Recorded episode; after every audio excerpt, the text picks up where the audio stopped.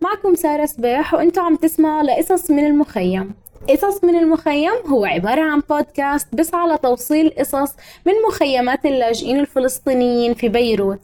هاي الموسيقى العظيمة عم تلعبها إلنا فرقة الكمانجاتي من مخيم برج البراجنة. خلفية البودكاست هي من تصوير الرائع أحمد شحادة من مخيم برج البراجنة في بيروت.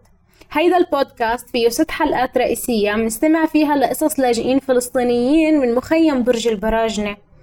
بالإضافة لحلقتين إضافيتين رح نستقبل فيها فنانين فلسطينيين من مخيمات لبنان. هاي القصص تمت مشاركتها مع المجموعة الطلابية خلال سلسلة من ورشات العمل أقيمت في فترة شهر حزيران لتموز 2022 في مخيم برج البراجنة. إحنا كتير محمسين لهيدا البودكاست لتسمعوا القصص اللي نحن سمعناها وبنستناكم تكونوا بنفس الحماس تبعنا. تابعوا الحلقات معنا.